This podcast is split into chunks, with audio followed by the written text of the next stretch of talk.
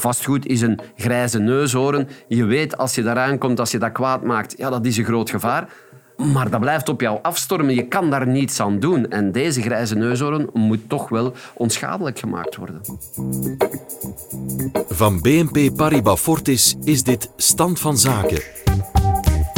Een podcast met hoofdeconoom Koen Deleus en Chief Strategy Officer Filip Gijsels. Elke eerste maandag van de maand staan ze stil bij een tijd die zelden nog stilstaat. Wat staat er de komende maand te gebeuren in onze wereld die niet stopt met veranderen? En wat betekent dat voor de economie, voor de markten en voor jou? Koen en Filip overlopen het met Filip de Rijke van Communicatie. Dag Filip, dag Koen. Dag Filip. Dag Filip. Wie deze dagen het nieuws volgt, weet dat er van alles gaande is in China. De Chinese groei die vertraagt, de vastgoedreuzen wankelen. De Chinese president Xi Jinping praat meer en meer over gemeenschappelijke welvaart. Maar wat bedoelt hij daarmee? En wat betekent dat allemaal voor de wereld, de consument en de beleggers bij ons. Ik begin bij jou, Koen. Uh, laten we eerst naar die uh, Chinese groeicijfers uh, kijken. Die zijn niet meer wat ze zijn geweest. Nee, het laatste kwartaal hadden we bijna geen groei. Ja, dat staat dan natuurlijk in schril contrast met die 6% groei die we eigenlijk sinds 2010 hebben gehad. En eigenlijk meer dan 10% voor 2010. Dus ja, er is toch wel iets aan de hand. Ja, hoe komt het? Wel, er zijn twee elementen. Eén, op korte termijn zie je zero tolerance. En op korte termijn zie je ook de vastgoedprobleem. Op langere termijn zie je toch dat we naar een ander soort economie aan het neigen zijn. In plaats van een heel sterk groeiende economie die in staat is om 15 miljoen extra arbeiders per jaar te absorberen, naar een economie die meer kwalitatief is. Waarom? Omdat het aantal te absorberen arbeiders nul is. Het is zelfs negatief. Er gaan meer arbeiders uit de arbeidsmarkt dan dat erbij komen vandaag. Ja, nu, heel veel van die Chinezen zijn door de evolutie de afgelopen jaren uit die armoede getild. Sommigen zijn ook heel erg rijk geworden. Maar Xi Jinping lijkt helemaal geen fan te zijn van ongebreideld kapitalisme. Nee, nee, het gaat vandaag een beetje meer naar gemeenschappelijke welvaart, common prosperity. Nu, we hebben daar ook een hele evolutie ondergaan. Je had dan eh, eerst bij Mao en die zei van ja, oké, alles moet gelijk verdeeld zijn. Oké, we zijn allemaal arm, maar we zijn allemaal even arm. Arm, ja. Zoiets, voilà.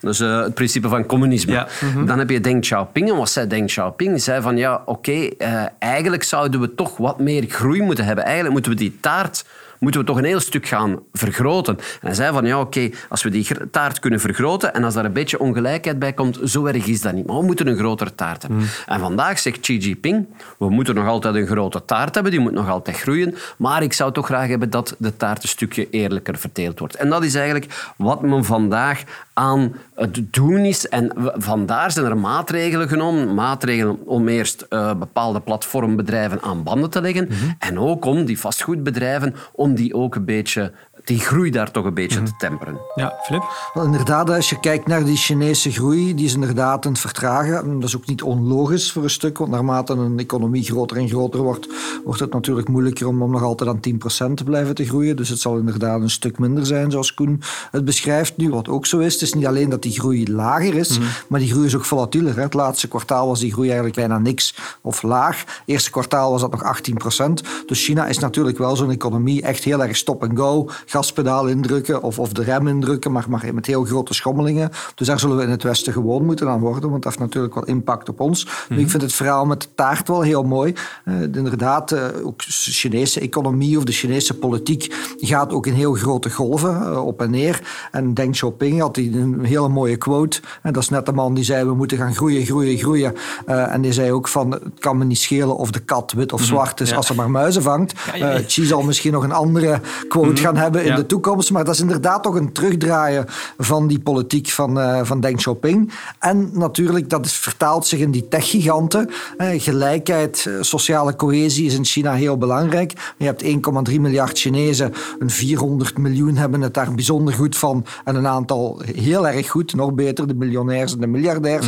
Maar een aantal anderen die blijven achter. Dus de bedoeling van deze hele oefening is van je wilt die elite tech-elite terug onder de partij schuiven uh, en niks zou hebben zoals je eigenlijk in de Verenigde Staten hebt. En ten tweede zit dat herverdelingselement mm. daar toch ook wel in. Uh, en dat is wel een breuk een beetje met het verleden. Ja, dus niet alle Chinezen zijn uh, gelijk. Wat brengt de toekomst dan? Wel, uh, meer gelijkheid. Dat is zeker. Mm -hmm. Xi Jinping wil streven naar meer gelijkheid. En eigenlijk heeft hij daar toch wel een klein beetje gelijk in. Als we gaan kijken naar de, uh, een maatstaf, een belangrijke maatstaf voor uh, ongelijkheid, dan is dat de Gini-index, waar we het al een paar keren over gehad hebben. Mm -hmm. Nu, de Gini-index voor beschikbaar inkomen is in China geëvolueerd tussen de jaren 80 en 2010 van 0,24 naar uh, 0,42. Wat wil dat eigenlijk zeggen als we even gaan kijken naar de Gini-index? 0 is een volledig gelijke uh, maatschappij. Mm -hmm. 1 wil zeggen 100% ja. zit bij één iemand. Dus als we gaan evolueren naar 0,42, wil dat zeggen dat 42% van het beschikbaar inkomen moet herverdeeld worden ja. om tot een gelijke verdeling te komen. Mm -hmm. Dus ja. ja, er zitten toch wel wat zaken aan. Ja, ja. Dan hebben we het nog niet eens gehad over het Chinese vastgoed, want daar doen zich ook wat uh, problemen voor met de wankele vastgoedreus Evergrande, die zoveel in het nieuws is gekomen de laatste weken. Wat mogen we ons daarbij verwachten, Filip? Wel, Filip, ik ga me proberen te beperken, want we kunnen daar een paar uur mee vullen en je ja, moet niet uh, wanhopig beginnen te kijken. Maar, nee, maar laten we ons kort door de bocht zeggen, oké, okay, ja. Evergrande is een heel grote vastgoedontwikkelaar. Hij heeft een 2300 werven en dan praat ik niet over één huisje, maar echt nee, over, over blokken die je vaak op internet internet en op tv overal ziet. Een 200-tal steden, een balans totaal van een 300 miljard uh, dollar in tegenwaarde. En dan nog wat off-balance sheet, wat niet op de balans staat. Dus ik rond af ja. 500 miljard dollar. Dus dat is vrij groot. Met heel veel hefboom eronder. Hè, want ze hebben heel veel geleend om die fenomenale groei maar kunnen blijven te ondersteunen. En heel belangrijk om in te zien is dat juist inderdaad die Chinese overheid is. Die zegt, ja, we moeten toch die speculatie en die vastgoedmarkt wat aan banden gaan leggen. Dus ja, dan doe je allerlei maatregelen. Ze noemen dat de drie rode lijnen in het zand. Heel toepasselijk mm -hmm. voor China. Ja. Maar het gevolg daarvan is dat die prijzen van vastgoed mm -hmm. beginnen te zakken. En dat natuurlijk heeft onmiddellijk een negatieve impact op die balans van Evergrande. En eh, ik denk voor een stuk, ja, ze komen wel in de problemen. Want ze moeten natuurlijk die leningen gaan hernieuwen. Op dit moment betalen ze coupons. En iedere keer als een coupon betaald wordt, dan zegt de beurs, joepie, joepie, kijk, ze kunnen betalen. Maar natuurlijk, de grote bedragen, die moeten natuurlijk pas komen begin volgend jaar. Het eerste kwartaal ongeveer. Ja. En dat wordt moeilijk. Um, dus ik vrees een beetje dat Evergrande er niet echt op eigen kracht uitkomt. Ook al omdat hun business opdroogt. Want uh, wie gaat een huis of een appartement kopen bij een bedrijf waar je niet zeker ja. van bent dat het er binnen zes maanden nog is. Dus dat valt stil. En dan vrees ik een beetje, als ik kijk naar de impact uh, op de Chinese economie en misschien indirect ook op ons, wel dat het misschien eerst slechter zal worden voordat het mm -hmm. beter wordt. Ja. Uh, dat je inderdaad nog verder wat in die crisis komt, maar dan uiteindelijk, en ik weet niet of Koen dat beaamt, ik denk het wel, dat dan toch de overheid wel gaat tussenkomen, want die vastgoedmarkt is toch wel heel belangrijk voor China ook. Ja, ja en die impact op de economie, zoals Filip al zei, die mag niet onderschat worden. Hè. Ja. Eén, Evergrande is topje van de ijsberg voor okay. die vastgoedontwikkelaars. Ten tweede, natuurlijk zien, vastgoed dat is 60% van de rijkdom van de Chinezen. Dus 60% van hun weelde zit in dat vastgoed. Okay, en je ja. hebt daar de voorbije twintigtal jaar heb je daar een gigantische stijging gehad. Mensen werden slapend rijk. Ik ben in 2018 naar China gegaan. Ik heb daar een Vlaming ontmoet. Die zat daar in 2000. heeft een appartement gekocht voor 100.000 in Beijing. Die is nu miljonair. Ja. Dus in die zin... Ja. Aan vastgoed raken wil zeggen dat je aan de Chinese economie raakt. En ja, het grote probleem is dat met die heel die heroriëntering van de economie, dat men dat wel moest doen, omdat men ook wil dat er ook wat geld weggaat van die kredieten die naar Chinees vastgoed gaan, ja. naar andere sectoren. Ja, maar welke sectoren dan? Wel, andere sectoren, bijvoorbeeld innovatie. Je hebt de groene sector. En waarom pak je dan innovatie, groene sector, technologie en al die? Omdat dat goed betaalde jobs oplevert. Ja, goed betaalde jobs oplevert wil dan ook zeggen dat het aandeel in de hele economie van de lonen groter wordt ten nadele van het aandeel van kapitaal in de economie. Wil dus ook zeggen dat je door geld te naar andere sectoren, dat je die ongelijkheid langzaamaan kan laten minderen. Ten tweede is het natuurlijk ook heel belangrijk dat je die tikkende tijdbom die vastgoed eigenlijk ja. is, dat je die langzaamaan aan gaat ontmijnen. Ja, ja. Maar natuurlijk, dat langzaam ontmijnen, het is een beetje zoals we vorige keer ook al hebben gezegd, denk ik, vastgoed is een grijze neushoorn. Je weet, als je daaraan komt, als je dat kwaad maakt, ja, dat is een groot gevaar. Maar dat blijft op jou afstormen. Je kan daar niets aan doen. En deze grijze neushoorn moet toch wel onschadelijk gemaakt worden.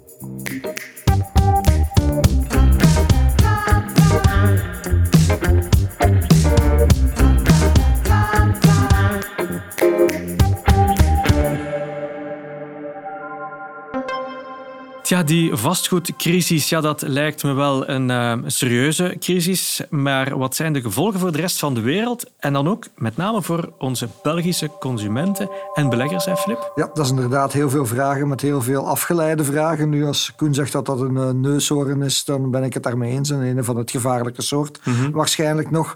Uh, nu, laat me beginnen met het goede nieuws. van die 500 miljard waar we het daar straks over hadden, staat er iets van, schatten we, want dat is altijd een schatting, 20, 30 miljard op balans in Europa, in Amerika. Oké, okay, dat is natuurlijk veel geld, maar niet genoeg om een Lehman-achtig verhaal te creëren. Mm -hmm. Dus die impact zal redelijk beperkt zijn. Okay. Maar aan de andere kant, dat is Evergrande natuurlijk die Chinese economie een duw geeft, een vertraging geeft. Uh, China is nog altijd de tweede wereldeconomie, dus dat gaat onvermijdelijk impact hebben bij ons en heel veel dingen uh, bij ons gaan impacteren. Ja, ja, en natuurlijk, uh, ik, ik ben het daar volledig mee eens. En ik denk dat je in de eerste plaats al direct kan gaan kijken op de prijzen van basismaterialen. Mm -hmm. Men zegt wel eens, en dat is een vuistregel, waarschijnlijk is die niet volledig juist, dat 50% van alle basismaterialen gewoon in China worden gebruikt. Ja, een groot stuk daarvan gaat naar vastgoed. Dus als dat vastgoed heel sterk begint te vertragen, weet je sowieso dat de ja. prijzen van basismaterialen gaan dalen. En dat is een heel interessant en intelligent punt natuurlijk. Um, denk maar aan koper of van zink of van nikkel of alles wat je gebruikt in bouw, vooral koper waarschijnlijk. En je weet uit vorige afleveringen dat we nogal, ik persoonlijk dan toch in een heel mm -hmm. grote boel ben op de grondstoffenmarkt. Ja. En daar heb je allerlei redenen voor, de elektrificatie, uh, al die elementen die de vraag naar koper gaan laten stijgen, niet voldoende aanbod. We hebben het er allemaal over gehad. Mm -hmm. Natuurlijk, als China ineens, dat zo belangrijk is voor die markt, ineens een stuk minder gaat vragen ja. voor een paar kwartalen, kan dat natuurlijk die stierenmarkt wel een beetje gaan afremmen. Ja. Maar gaat het dan beperkt blijven tot die grondstoffenmarkt of gaan die gevolgen daarvan uitdijnen, Koen? Nou, ik denk wel dat ze kunnen uitdijnen. Natuurlijk, het begint allemaal bij basismaterialen, maar natuurlijk, dat gaat dan naar uh, prijzen van algemene producten, gaat dat ook een effect hebben. En als je vandaag ziet dat in China de inflatie amper 1,5% is, terwijl dat ze een doelstelling hebben van ergens rond de 3%, dan weet je dat je daar heel dicht bij deflatie zit. Mm -hmm. En als je dan nog gaat zeggen van, ja oké, okay, onze economie te stimuleren, gaan we ook onze Chinese munt, onze renminbi of yuan, dat je het ook noemt, ja. gaan we die een beetje laten zakken. Ja, dan wil dat ook weer zeggen dat de importprijzen voor de westerse economieën gaat dalen. En een beetje vreemd misschien, want, want vroeger zouden de westerse economieën zeggen oh, verdorie, de Chinese economie, groeivertraging, dat gaat niet goed zijn voor ons. Nu zijn er heel veel centrale bankiers die zeggen joepie, de Chinese economie vertraagt. Okay. Joepie, we gaan die importprijzen, die gaan ervoor zorgen dat ons prijzenpeil daalt. Joepie, je zit daar ook mm -hmm. met een deflatie ja. van de basismaterialen omdat precies die hoge inflatie die we nu vandaag zien in de rest van de economie zo wel eens gecompenseerd zouden kunnen worden. En dat zou toch wel, denk ik, een positieve ja. verrassing kunnen zijn voor de financiële markten. Ja, na een initieel negatieve reactie, want ja. uiteindelijk als je kijkt, als China vertraagt en dat is de headlines morgens in je krant of op je schermen, mm -hmm. ja, dat hoor je dus inderdaad liever niet. Maar het is waar wat Koen zegt, hè. we zaten in een wereld natuurlijk waar te weinig inflatie was. Dus als China dan vertraagt en deflatie gaat exporteren... Te veel inflatie in een wereld waar... Ah, ja, ja, okay. ja, ja, te veel. Nu, nu is er te veel. Nu, nu, Okay. maar daarvoor, ja. Ja. dan zat je eigenlijk in die situatie. Ja. Dus dat betekent eigenlijk dat je dat liever niet had. Maar als je nu inderdaad een wereld hebt waar inflatie het risico is, waar je bang bent dat centrale banken beginnen de rente te verhogen, als er dan wat deflatie uit China komt, kan dat inderdaad eigenlijk een blessing in disguise zijn. Mm. Want dat zou dan misschien betekenen dat de rentes misschien minder snel omhoog gaan. En ja, dat is misschien iets waar de markten na eventjes nagedacht hebben erover. Mm. Misschien toch wel blij mee zijn. Ik wist wel dat ik u blij zou maken. maar zeg heren, de grote vraag die de beleggers zich stellen, blijft natuurlijk, moeten we nog in China aanwezig zijn en moeten we nog investeren in een land dat maar hè, 4 à 5 procent groeit, Koen? Wel, het antwoord is hier niet eenvoudig, denk ik. 4 à 5 procent blijft toch altijd een heel stevige ja. groei. Dus het dubbele van in de VS en nog veel meer dan wat we in Europa mogen verwachten. Maar er zijn toch bepaalde sectoren die ik zou persoonlijk ja. vermijden. Mm -hmm. uh, sector van online verkopen, de platformbedrijven die zwaar geraakt werden tijdens de voorbije weken en maanden. Ik zie die niet onmiddellijk terug naar nee. die pieking gaan. Nu anderzijds zijn er wel bepaalde sectoren die nog altijd de rode loper zullen uitgerold krijgen voor hun. Denk bijvoorbeeld aan uh, sectoren die meehelpen voor de bestrijding van de klimaatopwarming. Denk aan sectoren die helpen voor de technologie-onafhankelijkheid van China. Dus ja. een zekere aanwezigheid in China lijkt me toch wel onontbeerlijk. Ja, Flip? ik ben het daarmee eens. Ik denk dat we ons moeilijk kunnen permitteren om niet aanwezig te zijn in China als beleggers. En we krijgen die vraag ook vaak, want iedereen ziet die tech crackdown, iedereen ziet dat Evergrande-verhaal. Dus iedereen zit naar China te kijken, wat moeten we daar nu mee? Nu, ik denk sowieso, als je naar China kijkt, en, en het is een podcast, dus ik kan moeilijk grafieken of, of, mhm. of afbeeldingen laten zien, maar, maar stel u de wereld voor uh, en je ziet alle landen, de hele wereldkaart, en dan zie je de landen die het meeste handel drijven met de Verenigde Staten, die zou je blauw kleuren, en die het meeste handel drijven met China zou je rood kleuren. En je zou dan een evolutie maken van 2000 naar 2020. Mhm. Ja, dan zie je dat bijna die hele wereld wereldkaart of een heel groot stuk uh, groter geworden is. En wat eigenlijk aangeeft dat je van een unipolaire wereld met uh, de Verenigde Staten in het centrum duidelijk naar een bipolaire wereld gegaan bent. Dus je ziet duidelijk die wereld veranderen. Uh, je ziet ook duidelijk dat natuurlijk die groeimarkten die rond China zitten, die worden een steeds groter stuk van de wereldeconomie. Twintig jaar geleden was dat 40 procent, vandaag is dat 60 procent. Binnen 10, 15 jaar zal dat 70 procent zijn. En dan zie je eigenlijk een, een serieuze paradox in die financiële markten. Want dan zou je zeggen, ja, als dat stuk groter en groter en groter wordt, dan zal het dat op beursgebied ook wel zeer goed doen. Nu, die, het is niet dat dat een ramp is, maar als je de laatste 12, 13 jaar kijkt, dan zie je dat die groeilanden eigenlijk achterlopen op, mhm. eh, op de meer mature markten. En dan vooral uh, de Verenigde Staten. En wat het dan nog relatief goed deed, en dat is dan natuurlijk het, het, het rare van het verhaal, waren juist die technologiewaarden, maar die worden nu in China onder druk gezet. Dus die kunnen ook niet meer volgen. Dus twaalf jaar in die groeilanden loop je eigenlijk achter op de mature markten. Natuurlijk, dat zegt niks over de komende twaalf jaar. Ondertussen zijn die goedkoop geworden. Dus ja, ik denk dat, het, dat er volatiliteit zal zijn, maar ik denk toch dat het fout zou zijn om te zeggen, we investeren daar niet. Nee, maar goed, kijken. Wat doe je dan wel als belegger, Flip? Wel ja, wat je dan doet als belegger voor een stuk is zien dat je goed gespreid bent. En eh, ik herinner mij het, het, boekje van Koenen van zijn studiereis naar China. En, en hij kwam hij terug met, zoals altijd, met hele mooie verhalen. En ik herinner me, daar is een PowerPoint. En daar had hij op een bepaald moment een stadium uh, waar al die Chinese studenten zitten toetsen te maken. Duizenden op rijen, op rijen, op rijen. en dan zeg je... De gauwko. de van al die moeilijke woorden waar ik denk, dat is wat hij op cocktailparties dus constant doet. Dan zegt hij zoiets. Laat me niet los, laat me niet los. Maar, maar dat, dat zie je dan zo voor u en dat is mooi, beelden zijn sterker. Dan zeg je die online education en dat is super belangrijk. Wel, dat is nu net een sector die zo'n crackdown uh, gehad heeft. Dus investeren in een individuele sector, in individuele aandelen, is gevaarlijk. Mhm. Omdat je nooit weet waar de volgende klap komt. Dus we zouden daar toch gaan voor een zeer mooie spreiding met fondsen en dergelijke. En natuurlijk ook eens kijken, de plaatsen waar de Chinese overheid waarschijnlijk niet gaat op ingrijpen, is een eigen obligatiemarkt en is een munt. Want als je natuurlijk de reservemunt van de wereld wil worden, ja, dan ga je daar niks doen. En mhm. eh, die rente is daar ook uh, wat gestegen nog. Uh, misschien komt die munt nog wat onder druk. Dus dat kan misschien dan in een portefeuille ook interessant zijn. Dus een mooie spreiding in aandelen. En dan eventueel wat Chinees overheidspapier in yuan. Denk ik dat zeker moeten kunnen.